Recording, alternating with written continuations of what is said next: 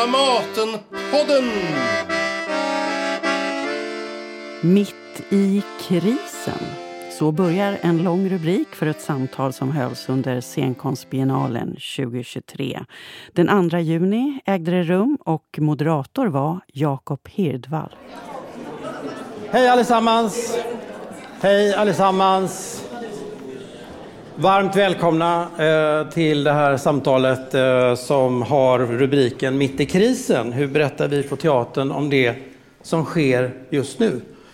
Eh, jag heter Jakob Hirdvall, jobbar här som dramaturg. Jag ska snabbt presentera panelen och sen får de presentera sig lite fördjupat själva sen när de berättar om de olika projekt som de driver med. Eh, Maral Nasiri, eh, skådespelare, regissör. Um, har ganska nyligen gjort det här projektet Kvinna, liv, frihet för några månader sedan på Dramaten. Vi höra mer om det strax. Dimitri Plax, eh, eh regissör, konstnärlig ledare för Dramaten Dock som är ett nytt format på Dramaten. Författare med mera, med mera. Och Gunilla Brodda Jensen som är specialistläkare i rehabiliteringsmedicin och smärtlindring, docent vid Karolinska institutet. Eh,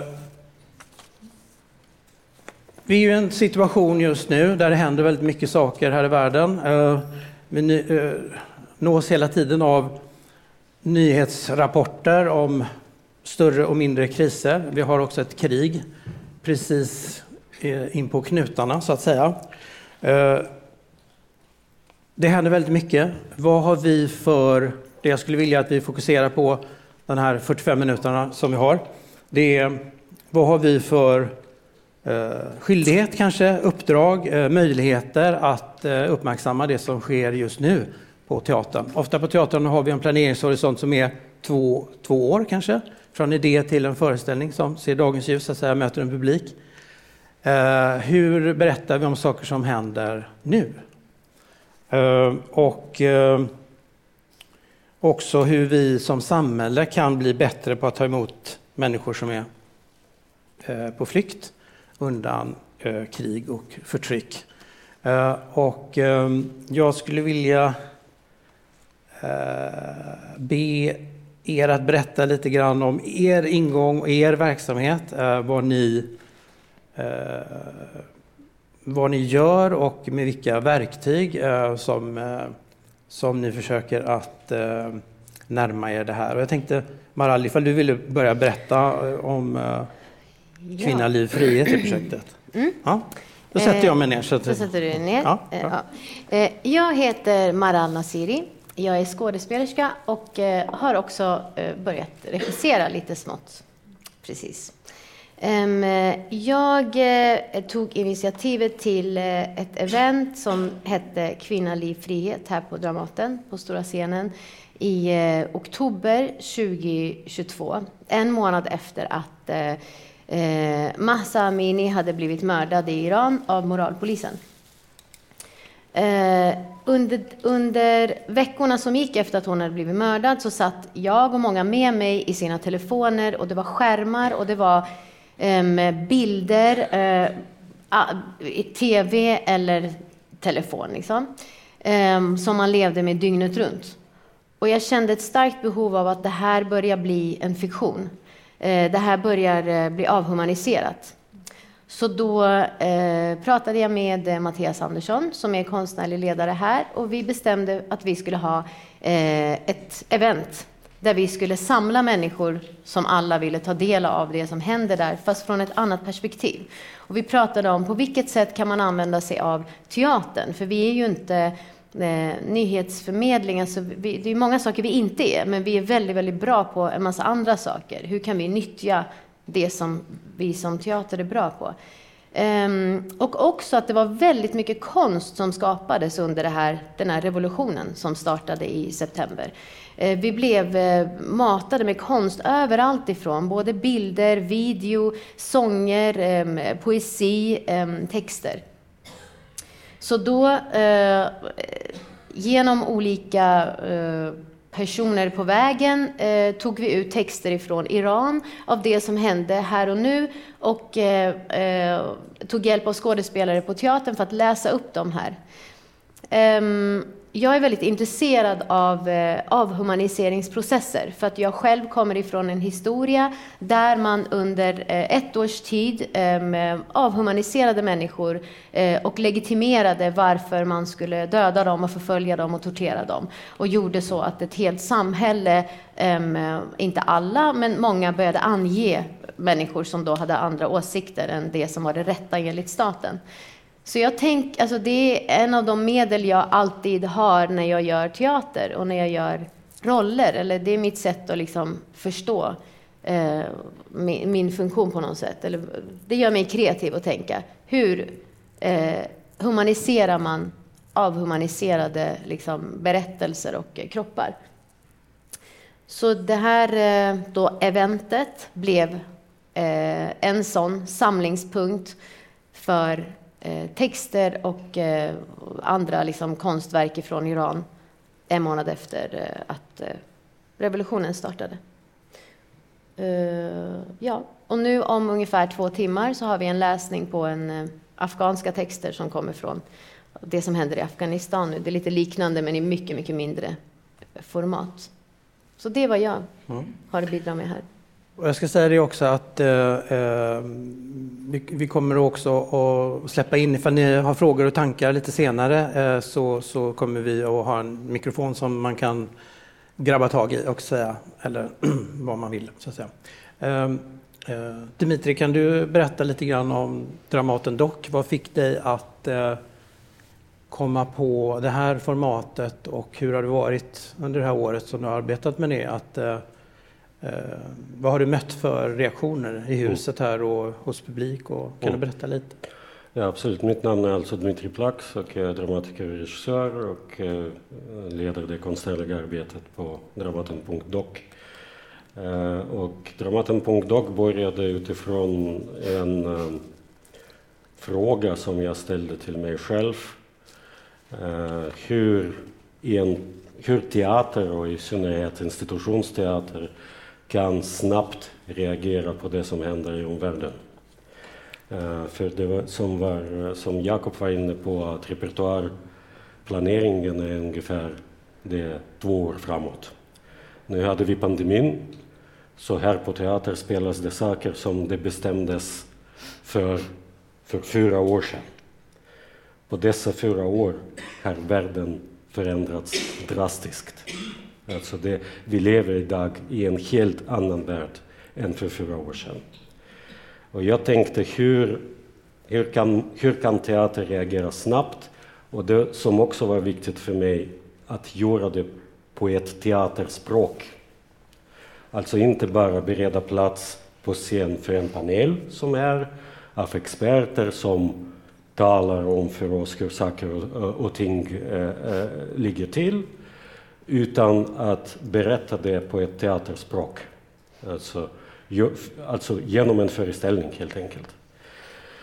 Eh, och den diskussionen hade jag med Mattias Andersson som är konstnärlig ledare för Dramaten, med Jakob här och med andra som jobbar på teatern. Jag fick också under ett par, tre år jobba med att utveckla, att arbeta fram ett sätt som jag själv kallar för gestaltad läsning. Som är något slags, eh, någon slags blandad form mellan en fullvärdig föreställning, så att säga gestaltning, och en eh, klassisk uppläsning, så att säga. Eh, jag ska inte fördjupa mig i det, för det är, liksom, det är en massa grejer som Eh, teoretiska där och praktiska som, är, ja, som inte är hit just nu. Men, men det är det som vi jobbar, eh, det är det instrumentet som vi försöker utveckla, undersöka och arbeta med. Och det är också så att det var viktigt också för mig och för teatern att ha en kontinuitet. Att vi inte gör det som en gångsgrej utan att vi gör det regelbundet. Och under den perioden som vi fick arbeta med den har vi ju gjort det minst en gång i månaden. Ibland ett par gånger per månad. En sak som också är viktigt för oss just nu i alla fall i, i, i initialskedet är att upprätthålla en riktning utifrån in. Alltså från platser där det händer, när det händer, in på Nationalteaterns scen. Alltså, jag vill inte jämföra eller nedvärdera på något sätt eh, blickar som eh, kommer från folk som redan är här. Men det andra, jag, jag, kan vittna om det som en vandrare så att säga själv. Det är en annan sorts blick när man mm. redan lämnar händelserna bakom sig. Mm. Även om det har gått en kort tid, man, man blickar bakåt. Och då händer det saker.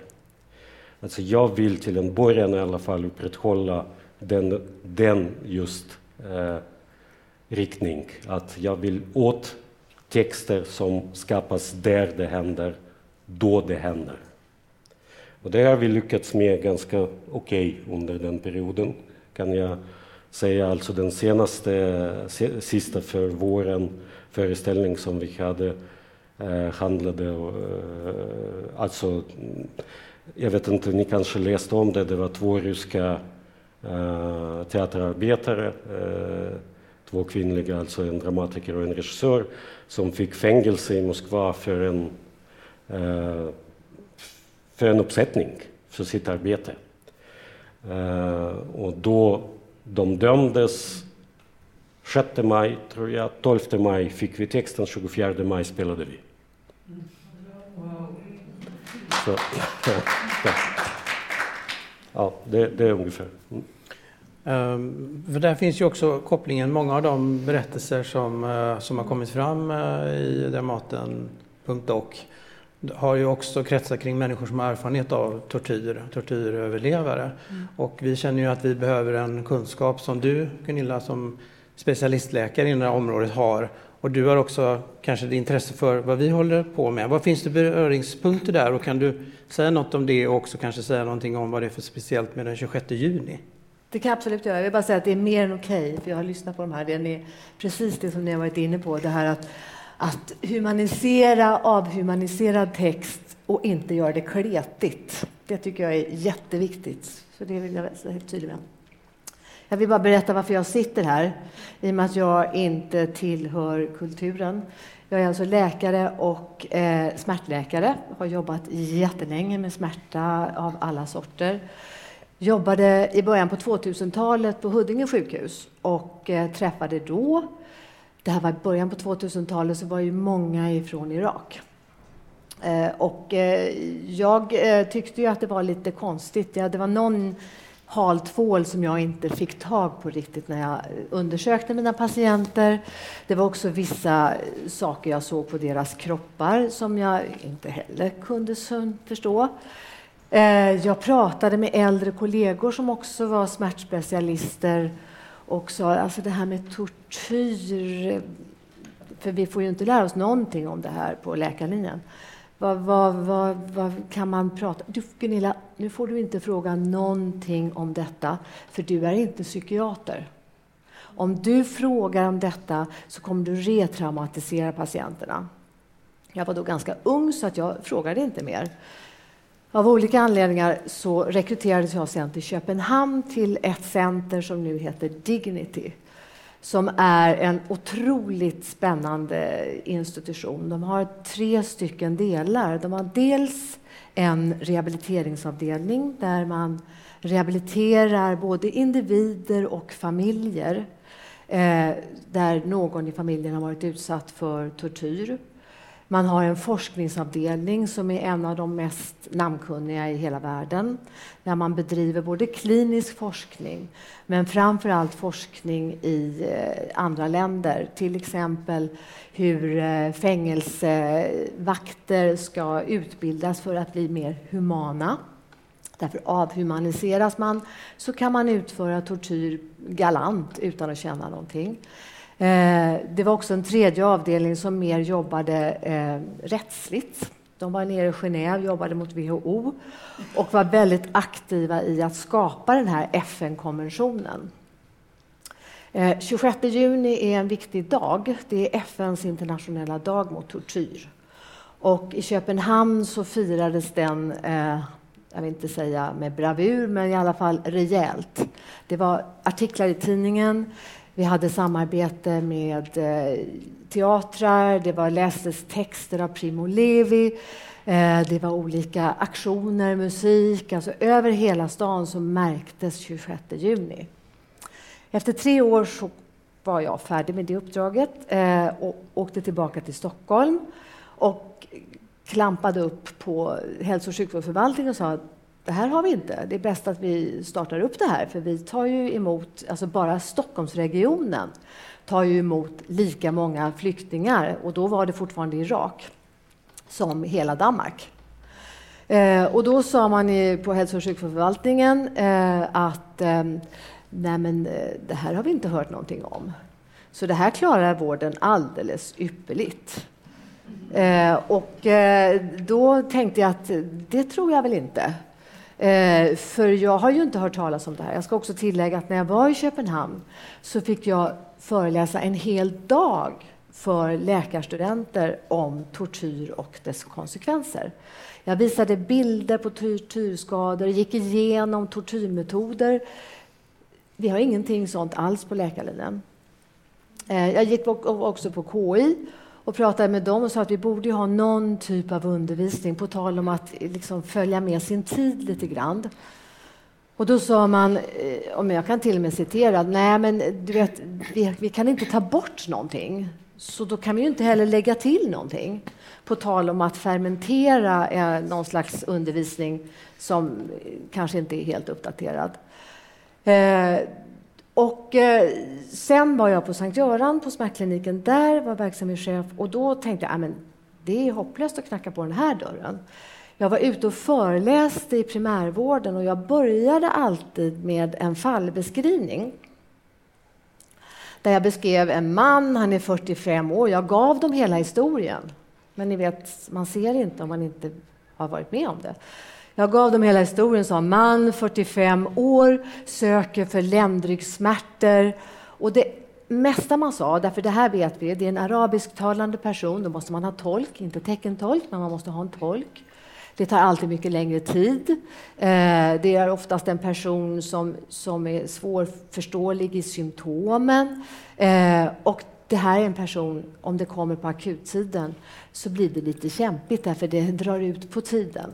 Så att de flesta kollegorna, och jag förstår, kände direkt att åh, åh, det här, för man vet inte vad man ska göra.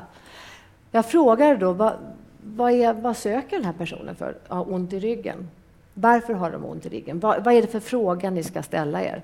Det var inte någon någonsin som sa, har du varit utsatt för någon form av tortyr? Eller har du varit fängslad? Eller var kommer du ifrån? När kom du till Sverige? Inga sådana frågor ställdes. Och eh, då tänkte jag att, eh, jag menar, tror våra eh, sjukvårdspolitiker och andra att, att det här är så, att vi ska kunna det här utan att det är någon som helst kunskap om det? Så då startade vi ett projekt. Vi sökte EU-medel och startade ett projekt i samarbete med dåvarande Röd, Röda Korset och Kris och traumacentrum och startade upp rehabilitering för tortyröverlevare eh, i grupp och individuellt. Eh, sen så blev det ju så att jag slutade där och då är det ju så, i och med att det inte fanns något uppdrag, inga avtal, så imploderade allt och så blir det inte mer. Så, så jag kontaktade er nu när jag tänkte nu är det 26 juni igen och det hörs ingenting i Sverige. Och vi behöver på något sätt göra de här historierna som vi får berättas när, när vi då kan någonting om tortyr, att göra dem, eh, vad ska jag säga, mera professionella, förstår ni vad jag menar? Inte bara den här tycka synd om-mentaliteten, att inte göra det till åh, stackare. För det, jag upplever att det är så otroligt kolonialt att tro att bara för jag tar hand om dig så, så har du inte erfarit tortyr. Därför tycker jag att det här är så bra. Att göra historien eh, till en professionell historia som man kan eh, ta till sig på ett mycket, mycket större plan. För det här är en så mycket större fråga än en person eller en förövare. Det är så mycket större. Så det tänkte jag att vi kan prata om. Ja. Kommentarer på Gunilla? Ja, eller liksom, jag tänker bara på att det är så mycket saker som är en mänsklig erfarenhet, att vara människa, som inte får finnas. Och det är också en, du, du från ditt håll och vi från vårat håll. Alltså att bara vara människor så finns det en sån stor range av saker som finns i ett samhälle, finns i människans upplevelse av att finnas, som inte existerar på våra scener, som inte liksom man kan ta hand om inom vården, som bara inte finns i samhället. Och där, ja, vi har ju på ett sätt olika funktioner, men man försöker ju att eh, på något sätt bara eh, få låta de här sakerna få existera. Mm. För jag kan känna ibland att det är som att det är en, ja, som att det är en välgörenhet, till exempel. Ja. att läsa texter från typ ett konfliktområde. Men eh, det är ju också att finnas i en värld och det här pågår i min värld. Och eh, det är ganska begränsat vad jag får till mig genom att titta på nyheter eller genom liksom artiklar. Det finns någonting annat som konsten kan göra och den kan liksom komplicera saker och humanisera och förflytta saker närmare eller längre bort för perspektiv. Och, mm. Så jag tänker att det är i allra högsta grad det som vi är bra på. Så det är väldigt konstigt när det hamnar som en sån välgörenhets... Liksom. Och sen gör vi vår resterande verksamhet som handlar om, ibland kan man undra, vad är det som då Alltså, för det hade inte jag tänkt på. Mm, nej. Jag hade inte tänkt på det förrän vi hade det här samtalet innan. Att det är det viktigaste nästan. Att professionalisera de här upplevelserna på något sätt. Det låter ju för hemskt, men, men vi pratar om det alla tre ju. Mm. Mm. Jag ville säga, eller hacka på det Maral säger, att hur skaffar vi kunskaper om vår omvärld? Det är en retorisk fråga. Vi skaffar dem genom nyheter. Nyheterna har en tidsperspektiv bakåt ett dygn. Efter ett dygn är det gamla nyheter, inga nyheter Eh, längre, utan det är andra nyheter vi får. Vi på teater har en unik möjlighet att presentera det som händer med en tidsperspektiv, ett tidsperspektiv bakåt som sträcker sig tio år, hundra år, tusen år i vissa fall. Alltså vi kan, om nyheterna berättar om vad, så kan vi berätta om varför. Och då får man ju, precis som Maral säger, inte en statistik utan en, ett öde. Då blir det som händer inte bara siffror utan människor. Och då har vi någon, något helt annat förhållande till det. Men då tänker jag vara lite djävulens advokat här. Ja. För att eh, när eh, Eh, när eh, kriget bröt ut i Ukraina och de första rapporterna kom så var det ju eh, bland annat Dagens Nyheters journalister som var på plats och nyhetsrapporterade och berättade om människors krigserfarenheter och erfarenheter av vardagen i, kriget också. Och då tänkte jag att just nu i alla fall så är de Sveriges bästa dramatiker. Mm. Därför de var där. Liksom. Jag tänkte så här, vi borde ringa upp dem och fråga kan vi få tillgång till era berättelser. Men jag håller ju i princip med det du säger, men har vi, har vi de verktygen vi behöver? Eh, hur ser de ut? Eh, ni sitter alla här eh, experter på era områden och inom scenkonst. Vad, hur tänker vi kring vilka verktyg eh, vi har för att kunna vara mer snabba på bollen så att säga? Ja. Får jag bara... Mm. Ja. Eh, jag ska försöka svara kort. Det, det, är väldigt intressant att du tar upp just den exempel eh, med Dagens Nyheter, för de åkte dit direkt efter det som hände i Butja. Eh, grejen är att de skickade dit två korrespondenter som är säkert, eller inte säkert, utan jättebra. Men ingen av dem kunde varken ryska eller ukrainska. Så jag satt, jag som sitter här, på natten översatte deras intervjuer till svenska som skulle publiceras dagen därpå. det, där, det där är en ganska talande bild eh, på hur vi är, på vår beredskap så att säga. Alltså, eh, sen är det eh, så att just den formen, nu talar jag för, för min sak eller vår sak här, alltså som, som vi försöker utveckla, som kallas då för gestaltade läsningar, den är ett sätt, det är ett sätt att uh, göra det professionellt. Att inte, jag har inget emot behjärtansvärda handlingar, de måste få finnas. Men det är precis det som Gunilla var, var inne på, att vi måste agera yrkesmässigt. Vi måste kunna presentera saker på en viss nivå som tas på allvar.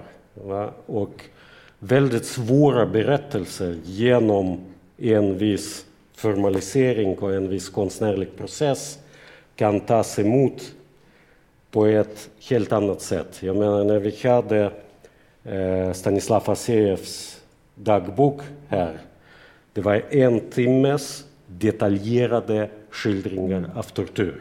Mm. Om man inte är specialist som du mm. tror jag inte att man klarar av att läsa ens i en timme, ja. en timme oavbrutet. Va? Man, får inte, man klarar inte av att lyssna en uppläsning, för det är direkt. Liksom. Men genom teater och genom den formen kan vi skapa den distans. Alltså folk grät i salongen, men ingen lämnade sin plats. Så. Gunilla, du hade... Ja, jag tycker det, det, är precis så jag tänkte också. Jag läste Primo Levis texter första gången när jag var i Köpenhamn och läste dem. Jaha, det var väl lite gammaldags språk. Alltså ni förstår, jag hamnade i, i det. Sen hörde jag dem läsas upp av en skådespelare och då blir det ju på ett helt annat sätt. Det blir så att jag tar in det, men inte så obehagligt så att man bara stänger ögonen och inte vill se.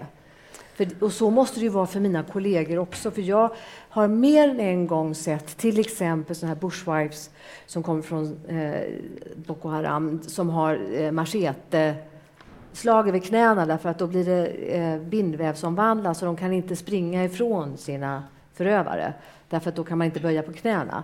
Sådana sår har jag sett flera gånger. Ja, i alla fall så här många gånger på handen. Och det måste ju andra kollegor ha sett men inte reflekterat. Eller reflekterat och tänkt att det där vill jag inte fråga om, för jag har lärt mig att om jag frågar och retraumatiserar jag. Förstår ni? Att man, det här måste man på något sätt förhålla sig till på ett sätt.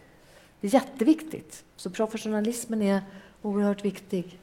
Jag tänker på eh, både att eh, det finns ju en grej att också få ut information, men det är också det att vi håller ju på med konst, vilket betyder att vi kan hela tiden komplicera saker. Vi kan titta på det som sker och så kan vi bara skifta fokuset för att visa på, visa på det ur ett annat perspektiv. Och det finns ju en sån liksom formulering som är så här, varför ska Alltså varför ska vi också som teater behöva ta ansvar över allting i samhället? Vi ska liksom lösa gängvåld, vi ska lösa fattigdom, vi ska lösa... Um, men vi ska ju bara spela teater och då kan det på ett sätt användas som att vi, har, vi är fria ifrån ansvar och på ett sätt en sån tung börda av att vad ska vi göra med allt det här? För att som du sa förut tyckte jag väldigt så här, att även inom din profession så är det så här, men det här ska inte vi behöva ta i. Nej. Alla vill ta bort sina händer ifrån någonting. Men jag tänker att vi kan göra det vi kan göra och vi kan göra det väldigt, väldigt bra. Eh, vi kan eh, hitta huret om vi ska få fram någonting. Jag tänker på när Ukraina-kriget började. Eh, jag tänkte jättemycket på den berättelse som berättades genom bilderna som man fick eftersom jag tillhör liksom en kropp som är från en annan del av världen i Mellanöstern. Man är van vid att se lemlästade Mellanösternkroppar. Medan eh, Ukraina var liksom så nytt att se alltså en vit kropp bli mördad. Det är liksom den dyrbaraste kroppen. Eh, och jag såg också hur eh, media rapporterade. Man hade jättemycket etik kring hur man filmade de här kropparna. Man filmade aldrig en eh, död kropp utan någonting på. Efter några veckor började man filma händer, alltså bara delar av kroppar. För då hade det börjat bli avhumaniserat. Så då behövde man ge lite mer och ge lite mer. någon vecka efter det var det någon syraattack i Syrien. Så man såg liksom barn, 11-12-åringar pojkar, så här liksom utfläkta på Aftonbladet. Liksom helt syrefrätta. Mm. Um, för att det är det som krävs när det är den kroppen. Uh, och jag tänker att det där, vi har möjlighet, för de berättelserna pågår hela tiden och det påverkar varenda en av oss här hur vi liksom tar emot vår nästa på ett sätt. Eh, eller förstår världen och förstår oss själva. Och där har vi en jättestor möjlighet inom teatern att liksom ta de här berättelserna och bara vinkla om dem eller hitta ett nytt sätt och ehm, eh, um, tvinga blicken till att titta på det. Mm. Eh, bara en kommentar till, till, det, till det du säger, för du pratar om ansvar. Så jag, jag tänker, vi önskar oss ju inom scenkonst, särskilt kanske i dessa dagar, att politikerna ska hålla ar, armlängds avstånd till oss. Men ska vi också Tänk om vi hamnar i att vi håller verklig, omvärlden på armlängds avstånd från oss. Vad har vi för ansvar då? Hur menar du? Alltså, ja, men, vad, inom scenkonst, vad, vi kan inte ta ansvar för allting, men, men har vi något ansvar? Och i så mm. fall, vad, vad skulle ni säga att det är? Vad kan vi göra? Vad bör vi göra? Jag, jag tycker ju att vi har ett ansvar att berätta om det som händer i omvärlden precis som man alltså säger, på det sättet som vi är bäst på, det vill säga genom konst, den konst som vi behärskar, så att säga, på teaterspråket som jag säger. Va? Alltså, och sen är det ju också så att den har den möjligheten, alltså teater, jag brukar alltid säga att på teater kan man alltid pröva saker som man annars kan pröva enbart ute i samhället eller ute i världen. Men det kostar mycket mer att göra det där ute. Va? Och här har vi en möjlighet att göra det och visa exempelvis dit vill vi inte komma. Va? Det är bara ett exempel. Eller dit måste vi komma. Det händer. Men vi behöver inte ta ansvar för precis det som uh, Maral var inne på, att, att lösa problemen. Va? Jag tycker överhuvudtaget att konstens uppgift är inte att svara på frågor, utan att formulera dem. Och det är det vi ska göra. Alltså vi ska formulera frågor och då ska vi just för att vi kan berätta de berättelser som är väldigt svåra att ta till sig på ett sätt som är möjligt att ta till sig. Då kan vi också påverka opinionen, vilket kan hjälpa Exakt, uh, uh, Gunilla i hennes arbete, mm. kan jag tänka mig. Mm. Alltså, och så vidare. Alltså, så teater har stort ansvar, tror jag. Sen är Ni har ju något större genomslag än vad jag har, om Precis. man säger så. Precis. Även om ni är stängda 26 juni. Mm. Ja, nej, men det, det, du säger nu får man tänka på, äh, nu har ju det en, en, en, klimataspekt på det här, men, men en äh, amerikansk äh, klimatforskare som heter Peter Mara som driver ett institut i, i Washington som heter The Earth Commons. Ja, han sa vid tillfälle till mig att jag är inte egentligen intresserad av, av, av kultur, konst. Alltså, Eh, men jag har blivit det därför att eh, i grund och botten är jag ornitolog. Alltså jag är intresserad av fåglar. Eh, men jag försöker få ut till beslutsfattare och människor de här klimatförändringarna och vad det innebär. Men det är ingen som orkar lyssna på den här kunskapen, den här forskningen. Men jag har upptäckt att via konsten så kan man få en kanal till människor, alltså en slags förmedlingskanal. Mm. Där man sen som öppnar människor på ett sätt att de blir mer mottagliga för mm för, för vad vetenskapen har att säga. Mm. Jag tyckte det var en intressant tankegång. Hur, hur, hur, hur, hur ställer ni er till, till det? Är, är, kan konst eh, ha den eh, kraften? Jag är helt övertygad. Jag är helt övertygad. Därför att det kan ju förmedlas ganska torrt från vårt håll. Därför vi måste det. Det skulle se lite konstigt ut om jag liksom skulle ut och läsa några texter eller så där. Det vill jag inte ge mig in i. Så det är självklart att det öppnar upp för, en, för kunskapen. Det och där, där måste det hänga ihop.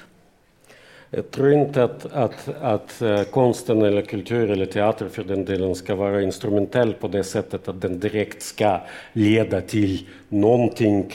Men mm. det som vi är bra på tror jag och det som vi ska jobba med, att vi kan skapa ett intresse att folk som lämnar salongen efter våra föreställningar kan tänka, jag vet ganska lite om det här. Mm, och börjar söka mm. kunskap. Jag tänker ja, på ditt projekt Maral, du hade också en del inbjudna gäster. Väl? som kom? Eh, ja, men precis i mm. den, mm. exakt. Där, alltså, e, en stor del av det projektet var ju att eftersom att Iran är ett sådant land som har långa armar utåt så eh, är det väldigt, väldigt många människor som inte vågar samlas tillsammans emot staten. Så att, eh, att ens skapa en möjlighet för att folk ska samlas på en teater det var ju jättemycket säkerhet, alltså det var ju från alla håll och kanter var det här så här, oj, hur gör man för att det här ska kunna hända? Och det var också så brutalt viktigt att man faktiskt samlades i kött och blod kring det här just då. Så det var ju liksom en del av verket. Alltså att, vad händer ifall vi samlas här och tittar på varandra och tänker, jag vet hur livrädd du är när du går hem nu. Jag vet att du kollar bakom dig kollar i alla bilar om det är någon som är efter dig för att du var här. Det gör jag också. Men då kan vi dela det istället för att det pågår i mitt eget huvud. Um, så jag tänker att det det, är så många, det är så många saker som händer i ett eh, rum där konst eh, utförs. Ibland är det inte eh, det som sägs som är det liksom största och viktigaste. Eh, vi hade ju expert, alltså vi hade utrikeskorr där, vi hade författare där, vi hade poeter där. Vi hade liksom från alla olika eh, perspektiv. Men eh, jag skulle säga att själva typ verket i det sammanhanget handlade om att skapa rummet och mm. att finnas där. Och för att eh, fånga upp då det här rummet så skulle jag vilja släppa in för publikfrågor nu. Kan vi få en, en mikrofon? Ja, hoppas eh, att ni vill eh, fråga något, säga något, kommentera. Just go ahead. Där har vi en.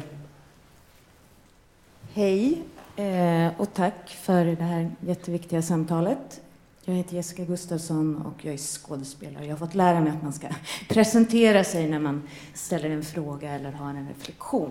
Och jag Jättebra. reflekterade ja, så mycket eh, också över det här eh, avhumaniserande kontra humaniserande och eh, semantiken i hur vi pratar om det här. För jag tänkte på, på dig Maral, i början så, så använde du människor på flykt istället för flyktingar.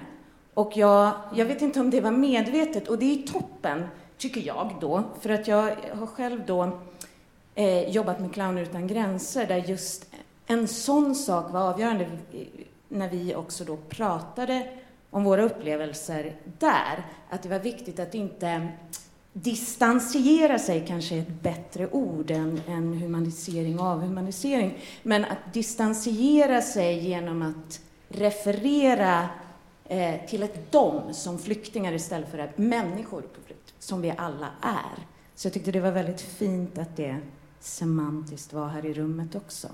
Eh, så, och sen så skulle jag också bara vilja säga det här med att, eh, vad vi kan göra, att vi professionellt kan, kan möta och plocka upp berättelser. Ja, det kan vi. Jag vill bara säga det. Att det kan Tack så mycket.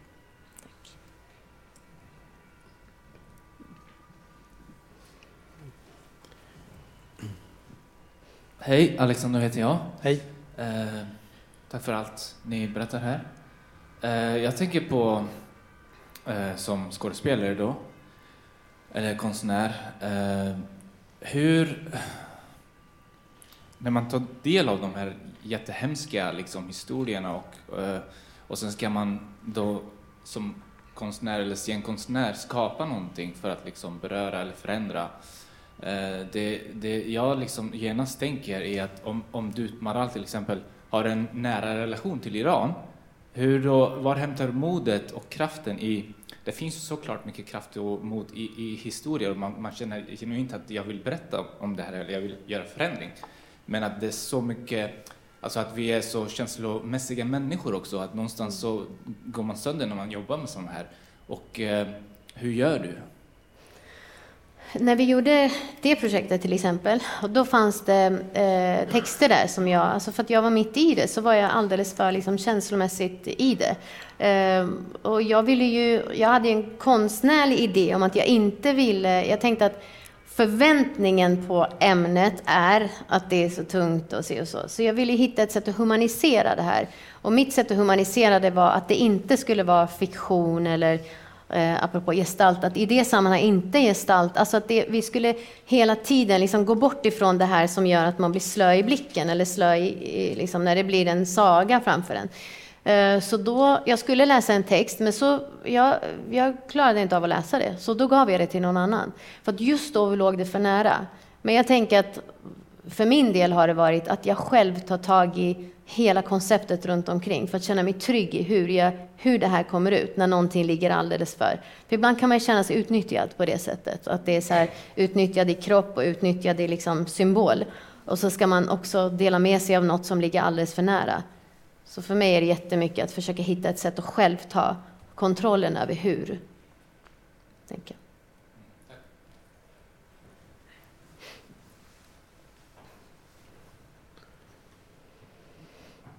Är det någon mer som vill säga någonting? Ja, här.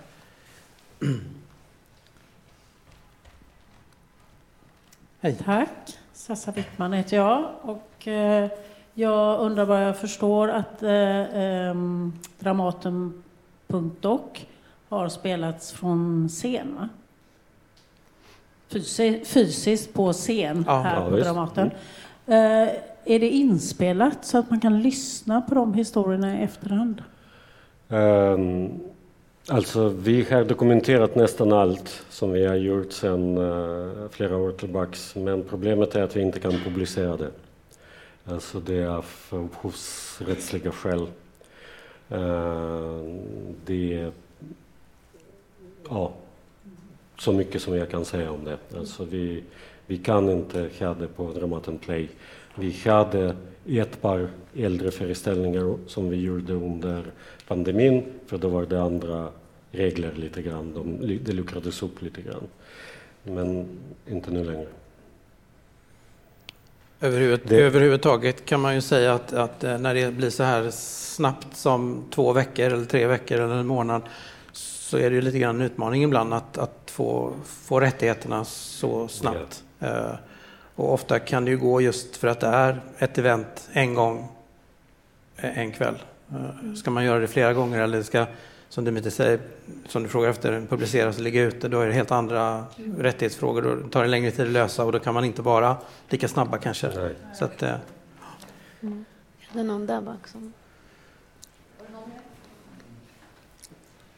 Ja, hejsan. Eh, Rasmus heter jag, jag jobbar som föreningsutvecklare. Eh, och jag, jag är ju, vad ska man säga, väldigt eh, intresserad av mer så här, interaktiv teater och börjar fundera lite på det du sa om att just bara att man var en del av, att man var på plats i lokalen, att, liksom, att just att folk samlades i kött och blod var, att, var en del av just vad ska man säga, upplevelsen eller föreställningen eller det som resultatet. Ehm, och då skulle jag vilja ställa följdfråga på just, eh, det finns ju föreställningar som försöker arbeta med lite interaktivitet eh, istället med att man ber besökare att gå upp på scen, lämna en bro, ros på en grav eller att man eh, skådespelare ställer en fråga direkt till en, liksom, en person i publiken eh, som kanske uppmuntrar lite till att någon som egentligen kommit dit på plats har liksom tänkt sig att de ska bara vara publik men plötsligt känner de ett deltagande och känner sig väldigt levande i situationen. Ehm, och jag undrar om på det här ämnet, på det här temat, tycker ni att, att det är någonting som, eh, att just sådana här mer interaktiva element i samband med sådana här liksom väldigt nutida, eh, väldigt så här dramatiska och känsliga ämnen är det, är det för starkt, liksom påverkar det för mycket att ha sån här interaktivitet? Eller kan det bidra till någon känsla av katarsis eller att man liksom kan få utlösning av liksom för de känslorna som man bär på runt det? Eh, Jag kan, jag kan försöka svara snabbt. Alltså det där är en väldigt intressant fråga och vi mm, frågar oss också hela tiden hur vi ska involvera publiken när vi jobbar. Och en gång gjorde vi så att just när vi hade den där föreställningen som jag, som jag nämnde som handlade om tortyr, Eh, där man berättade mycket detaljerat hur man torterar en person genom att ha en plastpåse på dens, eh, dennes persons huvud. Så vi la innan publiken släpp på varje plats la vi ett program och en plastpåse. Och folk fattade inte när de kom in, men sen fattade de. Där, där, ja, vi kan ta en sista, en sista fråga där, för sen är tiden slut. Varsågod. Hej, eh, jag heter Rebecka, jobbar som dansare och jag tycker det är superviktigt att scenkonsten kan ta den platsen och berätta de här historierna. Och jag blir nyfiken på hur ni ser på ansvaret vi också har gentemot publiken genom att sätta dem i den sitsen. Det är klart de vet vad de ser för föreställning men vad kan vi bygga för rum som Ta hand om deras individuella upplevelser efteråt? Är det vårt ansvar att skapa det rummet och hur kan vi tänka nytt så att vi kan fortsätta berätta de här historierna?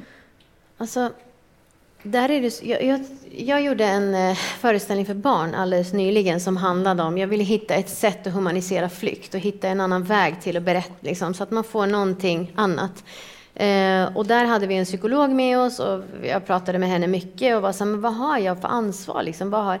Och hon var så, teatern är ett safe rum. Ni måste liksom ha självförtroendet i att du går till, en du går till ett konstverk och du eh, tar del av en massa saker och du vet att sen går du ut därifrån.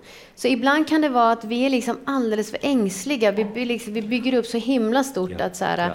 Mm, barn, eller i vårt fall så var det barn, det var därför. Jag menar, är det vuxna så är, har man ju en helt annan, du går och köper din biljett, du kommer dit. Men i, i, överlag känns det som att vi behöver bli mycket mer liksom mindre ängsliga i det där. Det är konst liksom. Gunilla, slut, slutord. Ja, då kan jag säga verkligheten. För, för det är precis det som du berättar som gjorde att jag inte frågade, liksom, därför man är så rädd att det ska bli för jobbigt. Det finns en jättebra kvalitativ studie från Danmark som just visade... att man har frågat personer som har blivit torterade och eh, personer som har kunskap. Blir det jobbigt? Nej, Därför att personen som är torterad känner att det är en professionell som frågar och undersöker, vi tar ju på kroppar, undersöker på ett professionellt och bra sätt. Jag känner att jag vet vad jag gör. Då minskar den här rädslan, oron, ångesten eller att man går hem och bara ah, mår jättedåligt. Det är jätteviktigt. Mm. Tack så mycket. Då får vi sluta. Tack så mycket. Tack för att ni kom. Dramatenpodden.